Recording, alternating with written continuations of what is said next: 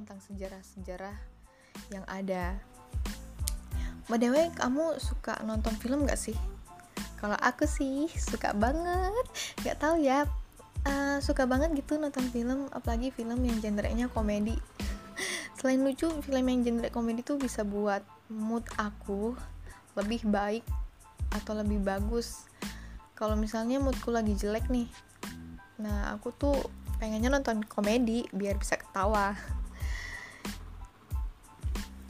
Tapi film tuh emang unik ya, punya banyak genre dan punya banyak jenisnya. Pernah nggak kamu nonton film dokumenter?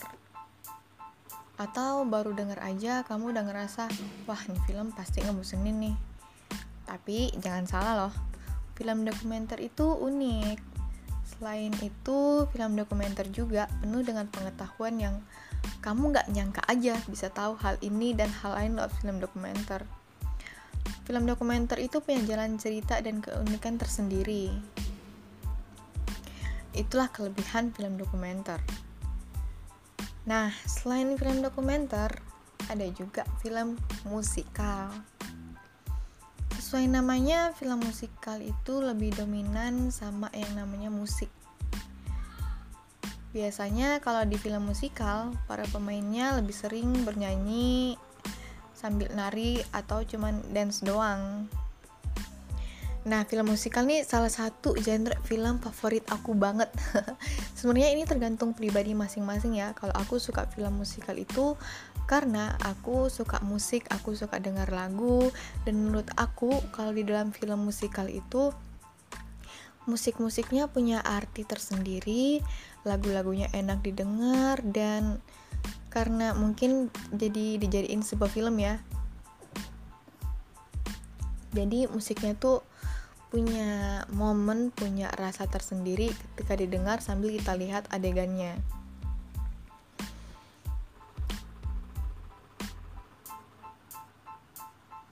Ini juga sesuai selera masing-masing sih, selera masing-masing individu ya. Karena ada juga uh, orang yang gak suka film yang kebanyakan cuma nyanyi-nyanyi doang tapi dialognya dikit. Nah ngomongin soal film musikal. Aku punya film musikal yang menurutku ini bagus banget karena aku udah tonton dan ini jadi salah satu film musikal kesukaan aku. Karena film ini tuh menarik banget. Menarik Karena menurut aku film ini tuh punya banyak nilai kehidupan ya. Jadi pemeran utamanya di film ini itu adalah seorang pria. Dia bukan anak orang kaya dan dia an hanya anak seorang hanya seorang anak penjahit. Tapi dia jatuh cinta sama anak orang kaya yang di mana anak orang kaya ini juga mau sama dia. Nah, orang tua si cewek yang kayak ini nentangin banget gak suka sama anak yang miskin ini. Mungkin karena dia miskin dan gak punya apa-apa. Dan yang namanya orang tua pengen yang terbaik ya. Jadi dia maunya anaknya yang perempuan ini sama cowok lain gak mau sama yang cowok miskin ini. Karena udah tahu takut untuk masa depan putrinya nanti gimana ya kan. Nah uh, singkat cerita mereka tuh sempat LDR karena cewek ini sekolah di daerah lain. Dan mereka tuh saling ngirim surat yang LDR pasti can relate ya can relate ya kan? Kangen-kangenan gitu. Tapi pada akhirnya mereka tetap menikah kok. Mereka menikah dan si cewek ini tinggalin orang tuanya yang kaya dan pergi tinggal sama si miskin ini dan mereka punya dua anak cewek yang cantik-cantik. Nah, yang aku suka dari kisah uh, kisah cinta mereka dalam film ini tuh film film ini nggambarin kehidupan keluarga mereka yang sederhana namun bahagia dengan uh, menampilkan cerita mereka saat mereka menyanyi, saat mereka menari bahwa hidup mereka itu sangat bermakna dan mereka sangat bahagia dengan keadaan mereka saat itu meskipun uh, kehidupan mereka di saat itu minim um, punya ekonomi yang rendah. Perjalanan kisah cinta mereka di sini tuh nggak punya banyak dialog. Namun um, dengan visualnya aja kita udah paham jalan cerita mereka. Tapi setiap dialog yang mereka katakan itu menurut aku uh, bermakna ya bermakna banget saat mereka berdialog. Jadi itu ada kesan sendiri sih buat aku. Oke, balik lagi ke isi film ini. Jadi, si cowok ini yang atau namanya Barnum atau si cowok miskin tadi kerja dia kerja sebagai akuntan di suatu perusahaan yang mengelola eh, kapal-kapal uh, gitu deh pokoknya. Tapi perusahaan ini tuh bangkrut karena ada kecelakaan di uh, lautan di tengah laut. Kalau kapal-kapalnya ini hancur karena badai dan ombak. Jadi dia dipecat dan setelah dipecat um, si Barnum ini tuh pintar. Dia tuh dia tuh pintar ngomong. Jadi dia ambil sertifikat di uh, kantornya dan dia bawa ke bank untuk dijadiin sebagai jaminan padahal dia nggak punya apa-apa tapi dia pintar ngomong dan dia punya uh, bukti kalau misalnya dia itu punya kapal tapi sebenarnya dia nggak punya kapal apa-apa. Ya jadi dia um, di dipinjamin bank uang kemudian dia beli museum nih. Dia beli museum yang di mana isinya ada benda-benda sejarah tapi tetap aja bisnisnya ini nggak jalan sama sekali karena nggak ada yang datang sama sekali ke museumnya terus dia dapat ide dari putrinya. Putrinya pernah bilang kalau misalnya uh, museum ini akan lebih uh, hidup kalau misalnya hidup juga gitu kayak ada yang hidup di dalamnya. Nah jadi dia punya ide gitu. Dia nyari orang-orang aneh dan unik. Aneh di sini tuh maksudnya orang-orang pada uh, ngelihat bahwa ada orang yang fisiknya berbeda dari orang-orang normal pada biasanya jadi dia nyari orang-orang aneh yang unik. Nah dia tuh berusaha ngeyakinin orang-orang aneh dan unik ini kalau misalnya mereka tuh berharga mereka itu punya sesuatu yang gak dimiliki sama orang-orang orang normal pada umumnya. Nah mungkin orang-orang aneh ini uh, perlu berpikir dulu sebentar dan ternyata Barnum ini berhasil untuk yakinin mereka untuk uh, ikut join dalam bisnisnya yang selanjutnya ini. Barnum itu berusaha membangun rasa percaya diri dalam orang-orang tersebut supaya mereka mau nunjukin sama dunia kalau mereka itu unik dan berbeda dari manusia lainnya. Akhirnya orang-orang yang dibujuk Barnum ini mau. Uh, orang-orang yang unik ini tuh mereka punya fisik yang berbeda daripada yang lain seperti ada manusia yang mungil atau tubuhnya kecil um, atau kerdil gitulah lalu ada wanita yang berjenggot Nah, wanita yang berjenggot kan fisiknya nih berbeda daripada yang lain. Berjenggot kan biasanya hanya khusus untuk cowok, tapi cewek ini punya jenggot yang tebal dan badannya itu besar juga. Tetapi wanita ini tuh punya suara yang indah banget, suara yang bagus banget.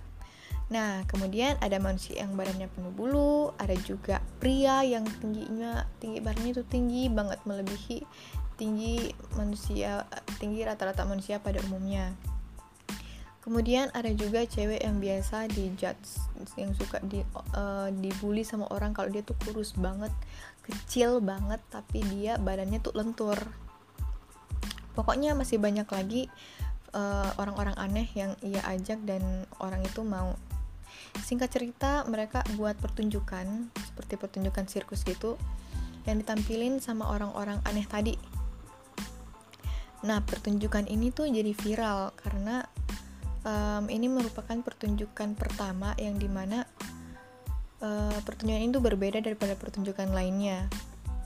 Nah, pertunjukan itu viral sampai bahkan tiketnya ini selalu terjual habis. Orang-orang bahkan sampai antri dan rela untuk bayar berapa aja agar dapat tiketnya. Kemudian dari hasil pertunjukan ini, ekonomi keluarga Barnum naik dan ia bahkan bisa membeli rumah mewah untuk keluarganya. Ya, siapa aja yang sangka gitu kan? siapa aja yang sangka um, dia bisa kayak seperti ini dan orang-orang yang bertalenta tadi bisa menjadi terkenal. Saking terkenalnya mereka mereka sampai diundang oleh ratu Inggris. Wow. Ratu Inggris undang mereka untuk datang ke um, Inggris dari Amerika. Nah di sini Barnum itu ketemu sama penyanyi wanita yang terkenal juga. Dia wanita yang terkenal ini itu cantik cantik dari parasnya. Suaranya sangat indah dan bagus banget. Dan terkenal. Ia juga udah terkenal nih si wanita ini udah terkenal di sana. Kemudian ia, punya ide untuk ngajak wanita ini konser di Amerika. Ternyata uh, konser pertama mereka ini sukses. Barnum uh, punya ide lain nih. Jadi si Barnum ini pengen ngajak si cewek ini tour keliling Amerika dan um, idenya ini diterima sama si cewek ini. Jadi si Barnum ini pergi tinggalin keluarganya. Bukan maksudnya ninggalin keluarganya untuk pergi sama si cewek ini untuk menikah lagi bukan. Tapi untuk tur ini aja untuk tur dengan wanita ini keliling Amerika dan um, sirkusnya yang tadi itu ia serahin ke temannya untuk dikelola sama temennya tapi setelah pergi ke beberapa tour Barnum nih kepergok dicium sama si penyanyi tadi. Dan di uh, potret sama satu, salah satu wartawan yang di mana potret ini ia sebarkan melalui uh, koran. Dan di sinilah bencananya dimulai.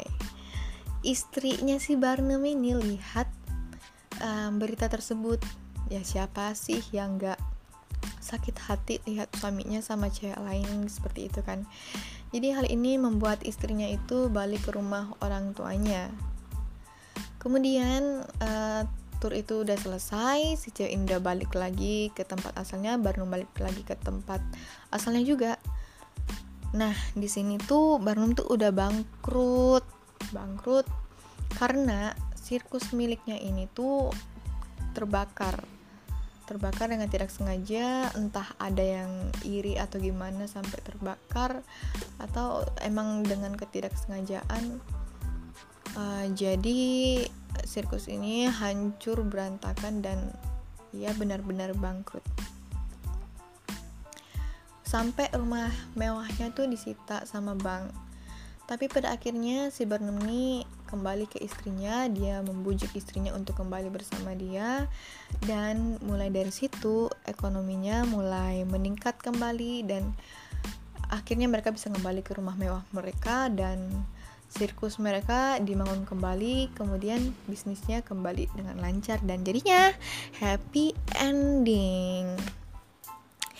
Nah, di sini dari film ini tuh aku dapat banget sih feelnya kayak ngerasa bahwa value dari film ini tuh sampai banget ke aku. Kayak si Barnum nih yang awalnya adalah seorang anak yang gak punya apa-apa, kemudian dia mulai hidup sebatang kara karena orang tuanya meninggal. Dia berjuang sampai dia bisa um, sukses dan dia juga memperjuangkan keluarganya memperjuangkan hak orang lain itu sih yang menurut aku sampai ngena banget ke aku tuh karena dia berusaha agar orang lain yang merasa merasa ter apa sih namanya tersingkirkan gitu ya mempunyai nilai dalam hidup mereka. Orang yang biasa dibully dijudge karena fisik mereka mempunyai kelebihan mereka masing-masing karena menurut aku setiap orang itu punya kelebihan dan masing-masing kelebihan dan kekurangan masing-masing ya. Di mana kelebihan mereka adalah kekurangan kita dan kelebihan kita bisa jadi adalah kekurangan mereka. Untuk itu mengapa kita uh, sebagai manusia harus saling mengasihi? Eh kok jadi kayak nyerama gitu tapi ini adalah salah satu bukan salah satu banyak nilai yang aku dapatin dari film ini. Makanya film ini tuh jadi favorit banget buat aku dari segi uh, pesan moralnya dari segi musik-musiknya dari segi kehidupan uh, nilai kehidupannya. Nah itu sih yang aku dapat. Terus ngomong-ngomong soal um, film aku jadi keinget nih kayak kebesit aja tuh di pikiranku salah satu series yang menurutku aku lucu banget. Jadi series nih ini, ini tuh lucu banget. Jadi ini tuh drama Korea ya. Ya ya nggak apa-apa sih. Yang nggak pecinta Korea boleh lah ya dengerin dulu nih. Dengerin aja dulu. Mendengar itu adalah emas. Padahal diam adalah emas jadi ini tuh drama Korea judulnya kalau nggak salah Eul Chacha Waikiki nggak tahu ngomongnya mana tapi aku bacanya Eul Chacha Waikiki menurut aku drama ini itu drama Korea terlucu yang pernah aku tonton. Dari semua drama Korea yang bergenre komedi menurut aku ini adalah komedi nomor satu terlucu. Jadi makanya aku mau rekomendasiin ini kalian karena aku udah tonton dan menurut aku ini tuh lucu banget. Karena aku belum pernah nemu drama Korea yang bawaannya ngakak mulu kayak gini gitu. Emang ada sih drama Korea yang lucu tapi menurut aku sih ya ini sih yang paling lucu gitu. Oke kita langsung aja ke dramanya cerita ke dramanya nih ya. Nah jadi drama ini tuh bawaannya ringan Lucu Nah ada seriusnya juga nih. Meskipun ada scene di mana mereka serius, ada scene di mana sedih-sedihnya, tapi tetap aja ngakak gitu loh lucu bawaannya. Astaga mungkin dari pemain-pemainnya mereka tuh berhasil banget buat penonton tuh ketawa. Drama ini punya dua drama ini tuh punya dua season. Di mana season pertama dan season kedua itu berbeda cerita. Dan ada beberapa pameran juga yang diganti tokoh pemainnya tuh diganti. Ya emang gitu. Drama ini tuh ringan sih. Ringan dan bawaannya lucu banget sampai aku tuh karena saking lucunya aku rekomendasiin ini ke teman-teman aku buat tonton. Pokoknya kalian harus nonton aku ngomong gitu ke teman aku. Nggak tahu nggak um, tahu ada apa gitu. Aku maunya mereka nonton gitu kan. Nah pas mereka nonton mereka jadi ketagihan dong. Mereka ketagihan karena ketagihan drama Korea karena drama ini. Makanya aku bisa rekomendasiin ini sama kalian Oke, okay, karena kita ngomongin soal drama Korea nih, ada satu lagi drama Korea yang lucu, tapi ini nggak selucu Waikiki. Cuman menurut aku ini lucu dan ringan, gemesin juga sih, karena pemain-pemainnya ah lucu banget pokoknya. Jadi judul drama ini tuh Hospital Playlist. Nah, dilihat dari namanya hospital, uh, udah tahu nih kita pasti uh, drama ini tuh berlatarkan di rumah sakit. Ya kalau namanya rumah sakit pasti lah ya soal dokter-dokter gitu. Drama ini tuh ringan dan lucu. Jadi ceritanya itu menceritakan kisah persahabatan antara lima dokter di satu rumah sakit yang di mana dalam drama ini tuh tidak ada yang namanya persaingan itu nggak ada. Drama itu isinya baik-baik baik ya emang ada kisah-kisah dari tiap pemainnya yang di mana kisah tiap orangnya itu ada pasti adalah kisah sedihnya lah ya. Tapi mereka lebih menekankan komedi dan keringanan dalam drama ini. Sehingga drama ini tuh nggak terlalu berat tapi nggak terlalu gimana ya nggak terlalu berat tapi ceritanya itu ada value yang kesampai juga gitu sama kita merupakan uh, menurut aku sih ini salah satu drama yang patut kalian tonton kalau misalnya kalian ingin no, pengen nonton yang ringan-ringan aja yang nggak berat-berat bang banget kayak menguras pikiran kalian tuh ini drama yang menurut aku kalian harus wajib nonton. Hmm, karena ngomongin drama Korea dari tadi ini aku selalu kepikiran nih sama drama Korea selanjutnya. Jadi aku punya rekomendasi ini. Ya udah ini satu terakhir drama Korea yang aku rekomendasiin di episode ini. Hmm, takutnya tuh kalian bakalan bosan kalau aku ngomongin soal drama Korea terus ya kan. Kalau untuk pecinta drakor mungkin suka, tapi kalau untuk yang nggak terlalu suka drama Korea pasti ya merasa males gitu dengernya tapi yang aku bilang tadi kalian harus coba sih nonton yang El Chacha Waikiki dijamin kalian nagih terus nonton drama Korea serius aku Oke, jadi dra drama yang mau ku rekomendasiin kali ini judulnya kalau nggak salah tuh Romantic Doctor Teacher Kim. Romantic Doctor Teacher Kim ini itu pemain utamanya ya Teacher Kim sendiri namanya biasanya tuh dia dipanggil Kim Sabu. Nah, dia tuh seorang dokter yang di mana dokter ini tuh pinter banget.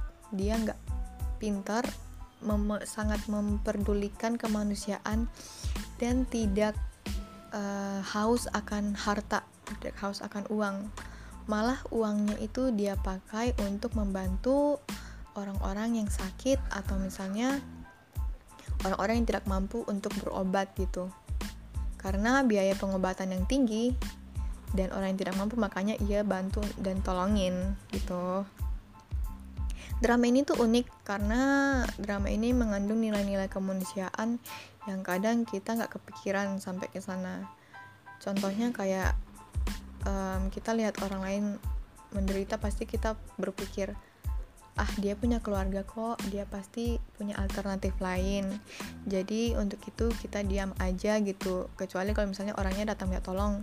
Tapi kalau di drama ini sisi kemanusiaannya tuh terlihat jelas banget.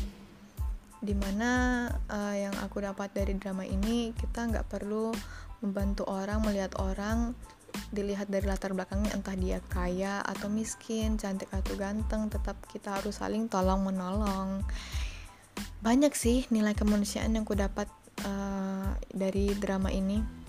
Drama ini tuh um, punya dua season season pertama dan season kedua dan pemeran utamanya tetap itu tadi Kim Sabu.